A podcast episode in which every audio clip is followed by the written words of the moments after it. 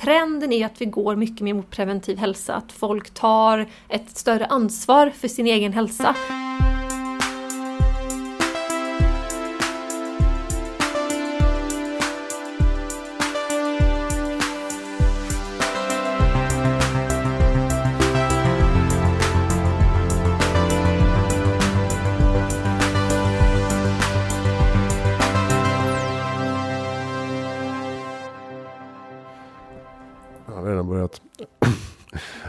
Det här är framtiden. Vi rullar vidare från en lite hemlig byggnad på Kungsholmen i Stockholm. Eh, jag sitter på Sigrid Therapeutics kontor med Sana, Alal Sana Alajmovic. Var det korrekt? Jättebra. Jag brukar säga tänk Ibrahimovic. Alajmovic, bra. Vd för eh, Sigrid, som det heter. Varför heter det Sigrid för, till att börja med? Det heter Sigrid av olika anledningar. Jag har ju bott eh, i USA eh, och när jag kom hem från New York så ville jag ju starta bolag. Då tänkte vi mycket på vilka namn det skulle vara och jag tänkte att ja, men det är nog bra att välja ett namn som hedrar Skandinavien. Eftersom när jag var i USA så märkte jag att vi skandinaver, vi har ett väldigt gott rykte utomlands. Vi är pålitliga, vi kommer i tid. Eh, och så vidare. Och sen så som kvinna då och ansiktet utåt så vill jag också gärna ha ett kvinnligt namn. Och då blev det Sigrid som är ett kvinnligt vikinganamn som betyder vacker seger. Och när jag pratade med min medgrundare av företaget, professor Tore Bengtsson, så sa han att Sana, det är helt fantastiskt för du vet på den tiden hade han tre söner. Sigrid, det var ju liksom det namnet vi skulle ge vår dotter som vi aldrig fick. Så, så hans söner höll upp en skylt We want Sigrid stod det. Och då, då blev det så också. Vad fint. Och, men du, du var ju utbildad eh, ekonom från början. Och, och vad, eh, vad hände sen? Hur hamnade du här? För nu är du inne i en eh, liksom, life science-bransch och eh, håller på att eh, expandera massor. Vad, vad var det som hände på vägen? Ja, det som hände var väl lite olika saker. Först och främst så efter, efter Handels, jag gick ut Handelshögskolan i Stockholm, Eh, en kandidatexamen i ekonomi så kunde du bli två saker på den tiden. Det var 2010, du kunde bli bank eller, eller du kunde bli konsult. Eh, strategikonsult. Eh, och jag var ju faktiskt aldrig duktig på matte. eh, så jag kände att nej men jag vill nog inte bli någon av de här yrkena. Och sen så som det kan vara ibland, du vet man bara, man hade en bad breakup och man kände bara Stockholm är för litet. Jag måste, jag måste rymma ifrån. Um, och uh, på ett möte träffade jag en otroligt uh, inspirerande affärsman som heter Håkan B Andersson Guldkula. Och han sa att han hade ett stipendie som han gav varje år till en duktig student för att jobba i, um, på Svenska Amerikanska Handelskammaren i New York. Och han uppmanade mig till att söka det och det gjorde jag och intervjuades och fick då det här stipendiet. Så 23 år gammal kom jag till New York där jag jobbade med marknadsföring och event för att hjälpa svenska bolag att etableras i USA. Och där i New York, det var liksom en, det var en annan era på något sätt. Det var extremt mycket fokus på entreprenörer och eh, liksom det finaste du kunde bli var entreprenör. Och i samband med det också när jag var i New York, man levde ju väldigt aktivt, man ville ju vara överallt. Den här fear of missing out, FOMA, liksom, var ju väldigt påtaglig. Så att jag fick faktiskt sex, åtta månader in i mitt eh, scholarship då, stipendie, väldigt mycket ryggont. Och det började komma lite sakta hela tiden tills en dag jag kollapsade på gatan. Och eh, en flicka ringde en ambulans och det jag hamnade på sjukhuset och det konstaterades att jag hade diskbrock. Och i perioder gick det extremt, var det extremt jobbigt. Jag kunde nästan knappt ta mig ur sängen och jag fick avsluta det här stipendiet då och eh, flytta hem till mina föräldrar i Halmstad.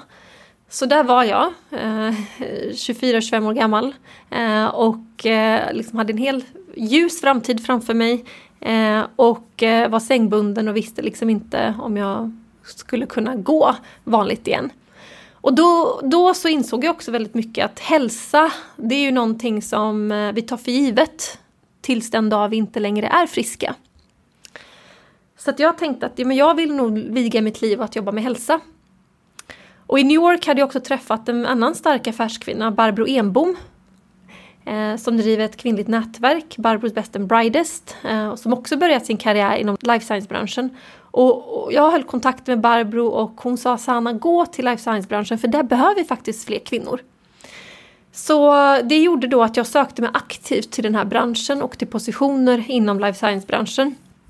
Och efter två år eh, där jag både jobbade som affärsutvecklingschef på både en eh, eh, venture capital-firma, alltså riskkapitalfirma, ett investmentbolag här i Stockholm inom just life science och som affärsutvecklingschef på ett nanotechbolag så träffade jag professor Tore Bengtsson och eh, vi beslöt att vi då tillsammans skulle starta Sigrid Therapeutics. Just det, men det finns, en, det finns väl en annan aspekt också av historien att din pappa blev sjuk? Så är det absolut och då kan man ju fråga sig varför jag valde just att jobba med metabola sjukdomar som diabetes. Eh, och det var när, när Tore, när jag träffade Tore så berättade ju Tore att han hade kommit på den här, vad ska man säga, den här uppfinningen eller uppfunnit ett helt nytt material. Och då frågade jag mig vad använder du det här till? Ja men det kan bland annat sänka blodsocker för diabetiker. Och då så kände jag direkt, oj, ja men jag har ju vuxit upp med en pappa som har diabetes typ 2. Eh, och har sett då ja, men hur man kan bli trött, eller hur trött man blir efter måltid, ibland irriterat humör. Eh, det här ständiga liksom, han skämdes lite, eller han skämdes lite över sin sjukdom för att han som, hur kunde han som läkare få det här? Eh, och han är inte överviktig. Det är mycket genetiskt, det är mycket stress. Eh, absolut en del liksom, ja, eller viktigt till stor del eh, vad du äter och så. Och sen har det ju faktiskt flytt ett krig och det gjorde ju också att det påverkar pappa ännu mer. Han var ju läkare i Bosnien, skulle skola om sig här och börja från början, liksom från chefsläkare till en vanlig student. Ehm, så mycket av det gjorde ju att han fick typ 2, så jag växte upp med att se honom ja, brottas med den sjukdomen. Så när Tore sa att det här kunde användas för att förhindra typ 2 diabetes ehm, så ja, då var du ju väldigt intresserad. Är det alltså preventivt eller är det dämpande under sjukdomsperioden också? Ja, alltså vi har ju, det, det, det kan både användas av typ 2-diabetiker eh, men även då personer i riskzonen att utveckla typ 2-diabetes. Och eh, diabetes är ju liksom en sådan sjukdom så att när du väl har fått typ 2-diabetes och du levt med det i många, många år, eh, särskilt när du, är, när du är på insulinstadiet, att du måste injicera det här hormonet då, då, då, är det ju då är det väldigt svårt att reversera det. eh, men är du prediabetiker, är du i riskzonen att få det, så kan du faktiskt reversera tillståndet. Så det här är en sjukdom som i många fall går att förhindra. Men när du väl har drabbats av det, då blir det en kronisk sjukdom som du måste hantera resten av ditt liv. Okej, och hur, hur kartlägger man eh, prediabetiker? Ja, prediabetiker eh, det, är, eh, det, det klassificeras idag inte som en sjukdom utan som, en, som ett högrisktillstånd. Och det finns ju ett antal parametrar, det är ett antal riskfaktorer som, som påvisar om du har pre prediabetes. Det är oftast associerat med om du, har, eh, om du är överviktig eller, eh, eller lider av fetma. Eh, om du har höga blodfetter kolesterol, om du har en stillasittande livsstil, eh, och, särskilt om du är medelålders, 40 och uppåt, eh, om du röker exempelvis och givetvis då om du har ett blodsocker som är övernormalt och det kan du testa med ett enkelt blodprov. Så det är några av riskfaktorerna då för att du är i riskzonen att utveckla typ 2-diabetes. Och var, och var befinner ni er nu då på Sigrid i er process så att säga, med, det här, med, det här, med den här produkten? Ja, alltså Tore har ju forskat eh, sedan 2008 på det här. På det här materialet i olika djurmodeller då. Man studerade det här i djur och man studerade det i provrör. Och sen 2014 när vi träffades och grundade bolaget så har ju vi sedan redan dess har ju vi forskat i människa. Så vi har gjort två kliniska studier. Eh, och fortsatt forska även på djur och även i provrör. Och nu så ska vi skala upp det här materialet. Så att, tänk så här att du har liksom när han uppfann det här så var det ju något som skulle, gavs, skulle ges till möss. Och då behöver du ett par gram. Mm. Och sen skulle vi plötsligt göra det här i människa.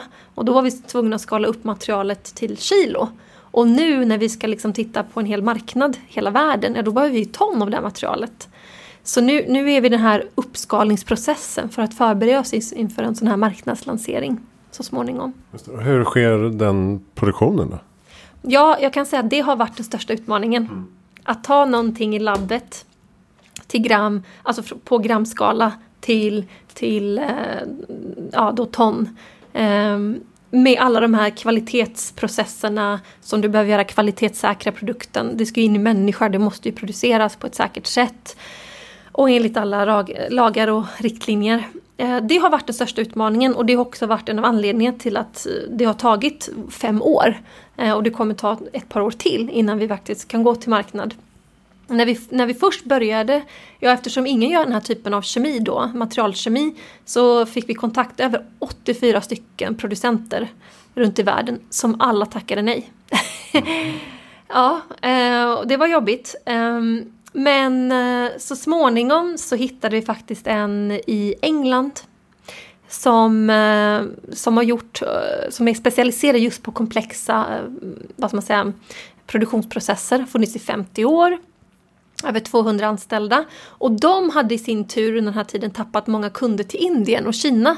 För många storbolag, läkemedelsbolag, hade valt att lägga sin produktion i Asien, för det var billigare. Eh, så de hade inte så mycket projekt på den tiden och vi övertygade dem att eh, vad ska man säga, utveckla det här till då kilo med oss och det gjorde de och den processen pågick i två, tre år.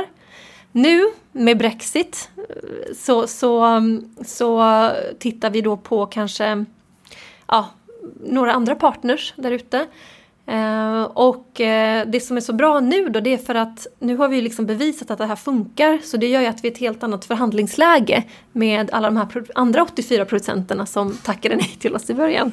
Men, eh, men kliniska studier är en sak då men, men att sen bli faktiskt godkända som läkemedel det, det verkar vara en otroligt snårig process som kan ta väldigt många år. Var, var eller, eller har ni krattat liksom tillräckligt mm. framför det? Ja, alltså vi, det här klassificeras ju inte som ett läkemedel. Mm. Och det är många som höjer på ögonbrynen. Ja, men det är något du liksom, det är ett preparat du dricker, det är ett vitt pulver. Eh, hur kan inte det vara som liksom går in i, dina, ja, i din mage, din tarm? Hur kan det här inte vara ett läkemedel? Och det är ju då för att den här, det här preparatet tas inte upp i ditt blodomlopp. Det verkar så lokalt i din tarm och går ut i din avföring. Och själva mekanismen då, hur det utövar sin effekt, är ju att absorbera då, fungera som en enzymfälla och absorbera enzymer. Eh, matsmältningsenzymer. Och det gör det då mekaniskt, eh, fysikaliskt eh, och inte farmakologiskt, immunologiskt eller metaboliskt. Och därför så klassas det som en medicinteknisk produkt. Det gör att vägen till marknaden är både kortare eh, och billigare. Jag brukar säga, hade vi utvecklat ett läkemedel hade vi ja, behövt hålla på i 10-15 år. Det eh, hade kostat oss miljarder. Men nu så eh, är vi glada om vi kommer undan med ett par hundra miljoner. Mm.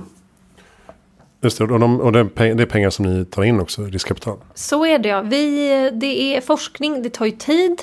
Eh, det är inte som tech brukar jag säga, det är inte som en app. Du har inte en prototyp snabbt som du kan provtrycka utan du måste, du måste gå igenom de här testerna innan du får testa på människa säkerhetstester och, och sådär effektivitetstester i djur innan. Och eh, vad heter det?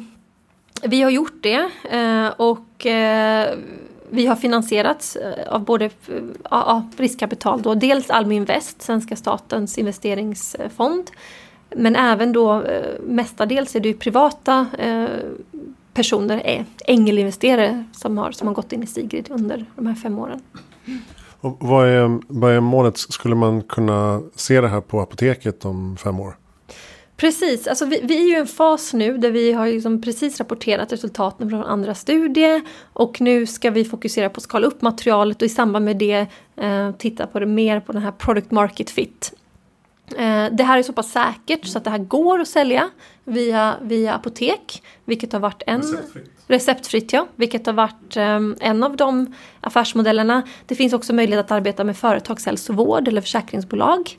Så att vi, vi, vi, vi är i en jättespännande fas nu där vi ska utvärdera vilken, vilken väg till marknad som makes me, mest sense så att säga. Vad, vad ser ni för potential på liksom folkhälsa då? Hur, hur räknar ni? Ja, alltså jag, tycker ju att vi har ett väldigt bakvänt system idag. Det är det liksom att vi fokuserar på att bota, eller i, i många fall inte ens bota utan eh, behandla eller mm, vad ska man säga eh, manövrera liksom de här kroniska sjukdomarna som diabetes, fetma eh, och så vidare. När mycket, många av de här sjukdomarna faktiskt går att förhindra. Så att jag, jag ser, och när vi har gjort analyser och studier, att trenden är att vi går mycket mer mot preventiv hälsa. Att folk tar ett större ansvar för sin egen hälsa. Dels för att vårdköerna ökar, dels för att våra hälsosystem eh, inte kommer klara av eh, att eh, vi spenderar så här mycket procent liksom av vår BNP på att hantera kroniska sjukdomar. I USA är det uppemot 18 procent av BNP går åt att liksom bara hantera eh, de här sjukdomarna.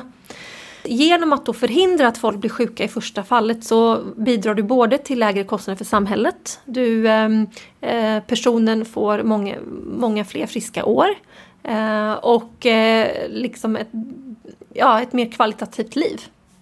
Mm.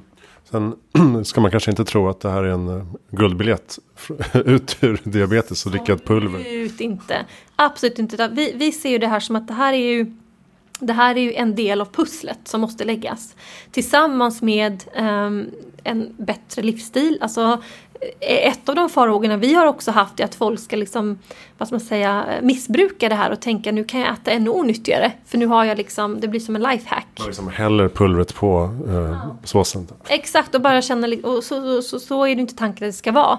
Eh, utan det här ska ju hjälpa dig att ställa om till en, till en hälsosammare livsstil.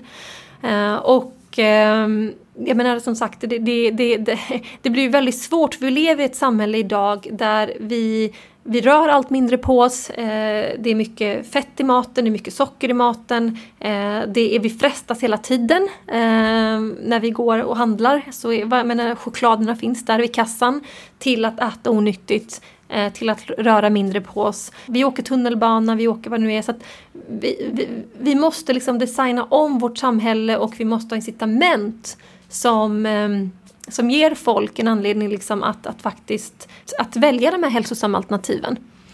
Eh, så det är inte bara något som Sigrid kan fixa utan det kommer ju vara en, liksom en, ett gemensamt, eh, en ansträngning från flera olika parter. Stat, företag, eh, startupbolag eh, och så vidare. Mm. Men, eh, det känns som att kroniska sjukdomar är en bra, ett bra ställe att börja på för man vet så konkret mm. hur de uppstår och hur behandlingarna ser ut och hur man kan hjälpa och liksom både preventivt och, och under tiden. Ja men självfallet, alla, alla typ 2-diabetiker har ju någon gång varit en prediabetiker. Mm. Och det betyder att sjukdomen har gått att förhindra. Mm. Så att det, det är... Ja men det är jättesvårt. Vi får hela tiden höra, men varför ska vi jobba preventivt? Jag menar, det, det finns väl inga pengar i det eller, eller liksom ja, att fördröja typ 2-diabetes med några år, vad ger det? Alltså, och det är ju helt fel utgångsläge. Liksom, och de stora bolagen, läkemedelsbolagen, de har ju fokuserat på sjukdom. Eh, det är ju så de har tjänat sina pengar. Ehm, och jag, jag är ju helt övertygad om att vi, ska, vi borde jobba och kan jobba mer preventivt. Och jag, vi ser ju nu den här, eh, vad ska man säga, eh, det här den här trenden att, att vi går från, jag brukar säga, från, från healthcare till self-care. Mm. Alltså att det finns en att, trenden med konsumenthälsa. Vi håller på, vi använder Fitbit, vi mäter hela tiden vår, vår, vår puls, hur vi sover, alltså vi, vi liksom Eh, Eh, och det här ger oss massa data och då kan vi ju också ta ett större ansvar som individer. Och sen också så här, det är inte så att hälsa är ju inte jättesexigt på det sättet. Liksom. Det, är, det är inte jättekul att gå till läkaren. Så kan man förhindra, kan man göra någonting för att slippa gå till läkaren och sitta där och vänta eller så, så tror jag att många, många gör det. Och vi måste skapa ett incitament för folk att faktiskt, att faktiskt göra det. För annars blir ju hälsa som en sån här sak som att man går bara till dok eller man går till apoteket, man går till doktorn när man, när man känner smärta, när man har ont. Um, och det är också den stora utmaningen, det är att många säger men Sanna, Alltså diabetes, det får jag ju om 10-15 år. Varför ska, jag bry, alltså, varför ska jag bry mig om det nu? Mm. Och då måste vi, jag menar, hitta ett sätt att incentivera folk, nudging så att säga, så att folk känner att oj då, men jag, ska, jag vill, vill inte hamna där. Jag tänker också att om, om du har så mycket data och ger läkaren tillgång till det. Så kan man ha en helt annan dialog eh, på telefon eller liksom videosamtal. Flera gånger om året för att liksom, hålla koll på värdena. Nej men precis, men det, det stämmer. Det är helt exakt. Och det är ju så. Alltså man kan ju, om, om man nu mäter sig själv och man har bättre koll och man liksom vet hur ens HbA1c, är, blodsockervärden eller ens eller kolesterol och så vidare. Och då eh, finns det lösningar som du kan få på apoteket. Då, då slipper du sitta där och gå till läkaren, du slipper ta mediciner. Och det är också en annan sak varför jag tycker, i och med att det här är av en folkepidemi, prediabetes är det idag, det är en folkepidemi. Du vill ju inte behandla alla de här människorna med massa, med massa läkemedel. Utan, och det, det är också en av anledningarna till att jag tror så starkt på Sigrid och blev så, blev så tagen av Tores idé från början. Det är att vi jobbar med kisel, kiseldioxid. Eh, som är liksom ett eh, skonsamt preparat, både för miljö som för människa. Och det tar sig inte upp i ditt blodomlopp. Det, liksom, det påverkar inte din hjärna på något sätt eller ditt belöningssystem. Utan det fungerar helt mekaniskt i tarmen. Eh, och det bästa av allt vore ju om folk faktiskt kunde äta nyttigare, om vi kunde eh, välja äpple framför eh, chokladbollen på den här fikan och sådär. Men eh, vi gör, tyvärr gör vi inte det, eh, för det är så svårt att göra det i en miljö där du hela tiden får tillgång till och med när jag, när jag bodde i New York, eh, uppe i Harlem, så såg jag liksom att det är billigare för dig att äta onyttigt än att äta nyttigt. Mm. Eh, och jag, tyvärr ser jag inte att den här lobbyismen som finns i, inom matindustrin eh, kommer ändra sig vilken dag som helst. Utan då gäller det ju liksom att hitta, att hitta preparat och lösningar som kan hjälpa folk att äta nyttigare. Och vi, vi, vi träffar ju mycket på patienter som säger men till exempel jag har artros i knäna, jag har svårt att röra mig. Eh, det här preparatet skulle kunna verkligen hjälpa mig. Eh, och kick, kickstarta någon form av hälsosammare livsstil där jag kan få snabbare effekter än om jag bara för det är också viktigt att få snabbare effekter för att känna att man är mer motiverad att fortsätta ha en bra livsstil. Mm. Är ni en del, tycker du, alltså Sverige är rätt bra på life science-industrin eh, eh just nu. Är ni, eh, är ni en del av det känner ni? Ja, men det känner vi absolut. Jag menar, jag har haft som mål Uh, ända sedan jag träffade Barbro då, när jag var 24 år gammal i New York. Och även när jag varit i Sverige i, i, inom life science-branschen. Att göra den mycket mer, vad ska man säga, Eh, ta det på rätt sätt, liksom mer sexigare eller mer liksom spännande. Både för investerare, för unga. Alltså jag tittar på min årskull och jag hittar ju, det är ju nästan bara jag från Handels av alla 300 som gick till life science-branschen. Så att, så att det, det, är, det är en jätteviktig bransch. Det är jätteviktigt att vi fortsätter göra kliniska prövningar i Sverige. Det är viktigt liksom för vårt, både för ekonomin men även liksom för, för vår sjukvårdspersonal. Men också för nya upptäckter, uppfinningar. Eh, att vi är ett sånt land där, där jag menar, vi är ett land där pacemaker uppfanns. Så, att, så vi har en fantastisk tradition av det och vi satsar ju mycket pengar, av, alltså mycket av vår eh, BNP. Eh, jag tror det är någonstans på 3,5 procent eller vad det är just på forskning. Och då vill vi att det här faktiskt att de här, de här upptäckterna också ska bli innovationer som gynnar människor. Så att eh, Sigrid, jag är stolt och, och jobbar väldigt hårt och är där ute hela tiden för att sprida information om life science-branschen. Inte bara, inte bara om Sigrid utan svensk life-bransch alltså i sig. Mm. Var, om man är nyfiken då, var börjar man någonstans tycker du? Om man är nyfiken på? På att jobba inom eh, life science-branschen. Ja, eh, det finns ju olika sätt. Det, det, det, finns ju, det som är bra här i Stockholmsregionen men även i både Lund och, och um, Uppsala. Uppsala. definitivt, där med Umeå och så vidare. Det är att det finns många mindre bolag. Det finns jättemånga mindre bolag. Och är du ekonom så kan jag bara säga att många, det finns mycket forskare där ute på universiteten i de här inkubatorerna som har massa idéer. Eh, men de saknar den här, den här ekonomen eller marknadsföringspersonen eller mer som, eller affärsutvecklaren som kan hjälpa dem att realisera det här, paketera det här, få den första pengen eh, så att man liksom kan bygga och lägga fram en plan för hur man ska göra och så vidare. Och, eh, så att jag tycker man ska aktivt söka sig till de här. Sen anordnar ju Vinnova, eh, Svenska statens innovationsmyndighet, seminarier och föreläsningar och det finns Almin Väst också eh, har ju en väldigt ofantlig rik portfölj med också inom bolag inom teknik och inom hälsa. Så att eh, det finns verkligen sätt att eh, vidga sitt kontaktnätverk och komma in i den här branschen på olika sätt. Mm. Vad är ditt bästa tips för att göra världen bättre i framtiden?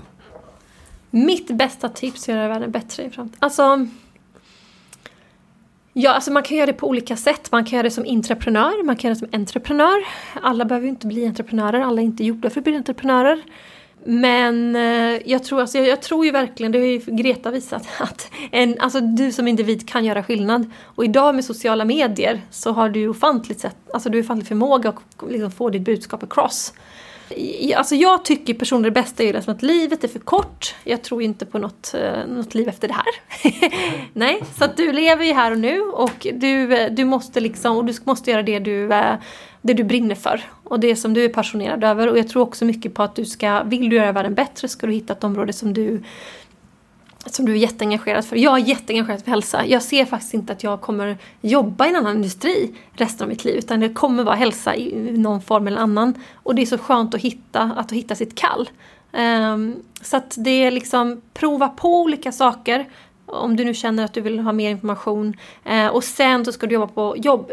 Ha ett jobb eller gör det.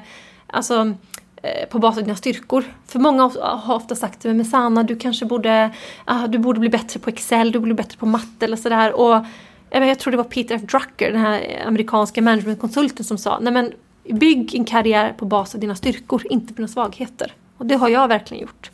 Mm. Ja, det där tycker jag är lite konstigt. Att man hela tiden fokuserar på så här, ja, jag borde faktiskt eh, bli ja, bättre på det här. Ja. Man bara, men du är ju bra på de här tio grejerna. Kan du liksom ja, chatta istället? Ja, bygg på det istället. Mm. Um, har du några bra lästips? Uh, ja, gud det har jag absolut. Um, menar du generellt? Jag älskar skönlitteratur. Jag är ju... Uh, vad ska jag säga? När, jag, när, när vi kom till Sverige, jag kom hit som flykting, jag var fem år gammal. Så var det väldigt Min mamma var, sa ju väldigt tydligt till mig liksom att du måste läsa, du måste plugga. Det var ju liksom det mantrat man alltid får höra som, eh, vad ska man säga, invandrare. eh, och eh, det gjorde jag väldigt mycket, så jag läste mycket skönlitteratur. Och pluggade faktiskt vid Göteborgs universitet. Eh, har också läst eh, just litteraturvetenskap. Har drivit bokklubb i New York och så vidare. Så jag har, jag har väldigt många nu. Um, om du vill ha en short story, det vill säga en novell som går snabbt, för det kanske det ska göra, uh, så kan jag rekommendera, den är i New York nu faktiskt, um, The Lottery. Uh, av, um, av Shirley Jackson. Publiceras 1948. Så det är en short story. Uh, läs den. Den har en väldigt intressant twist. Annars så älskar jag Alice Munro. Också en nobelpristagare som skriver fantastiska short stories. Um, vill du ha eh, en, en, roman så tycker jag Jonathan Franzen är fantastisk. Både hans Freedom men även hans Corrections. Uh, han brukar, det brukar kallas som The Great American Novel. Um, så det är väl det. Bra. Uh, vilken bra fråga det blev. Sorry, jag är så... Alltså jag är väldigt passionerad individ. Ja, ja, ja. Jag är väldigt snabb och jag tänker mycket. Och Nej, mycket. Vissa, vissa är så här, äh, böcker det har jag aldrig läst. Typ. Men, ja, men, äh, Skämtar du med nej, mig? Det händer. Åh oh, gud, nej, nej, nej. Ja, uh, vem tycker... Jag kom på en till. Åh okay. oh, gud, jag måste bara säga det här. Elena Ferrantes. Mm. Alltså herregud. Alla hennes noveller nu. Och, och nu går ju också pjäs på um, Eh, nästa Väninna-trilogin? Ja, min fantastiska väninna. Ja, det är en kvartett i fyra böcker. Jag har sparat den sista nu. Det är fantastiskt, fantastiskt. Eh, det är Neapel. Mm. Eh, efter andra världskriget. Så följer den två väninnor liksom genom hela, sen de var fem år gamla till, till, eh, ja, till de blir 60 plus. Och det är otroligt, otroligt fängslande, aldrig tråkigt. Eh, den här, vad ska man säga, konkurrensen men också kärleken mellan de här väninnorna. Eh, och ja, så nu, och nu går också, så nu har det blivit en pjäs. Vem tycker du att jag ska intervjua i Heja Framtiden? Vem tycker du ska intervjua i Heja Framtiden? Åh, jag träffade en otroligt intressant snubbe eh, nu i Sarajevo. Eh, jag var ju där eh, på en Innovation Summit, eh, den andra som hölls eh, där. Och han heter Tobias Dexell. Mm, Känner du till honom? Mm. Han, han, finns på min lista, men jag har inte kontaktat honom. Ja, nej, men ska jag hjälpa dig att kontakta honom? Ja, det kan jag göra. Ja. ja. men han är otroligt, vad ska man säga, han är väldigt bred. Allt möjligt, lingvistik, fysik. Och han är ju väldigt anlitad um, föreläsare där liksom han, han talar mycket om framtidstrender. Vilket är ju bra, heja framtiden. Mm. Så, um, ja. Bra. Tack snälla Sanna för att vi fick komma till Sigrid Therapeutics. Och kolla in, eh, vad är det, sigrid.thx? Si- Ja precis, www.sigridthx.com. Ja, förlåt, sigridthx.com. Följ oss på LinkedIn och Facebook, vi är väldigt aktiva där också. Mm, bra, och så får vi se om vi kan lösa, knäcka koden eh, för preventiv diabetesbehandling. Tack snälla. Tack snälla du för att jag fick prata. Hej! Det här är Framtiden, finns på hejaframtiden.se. Christian von Essen. Tack, hej, vi hörs.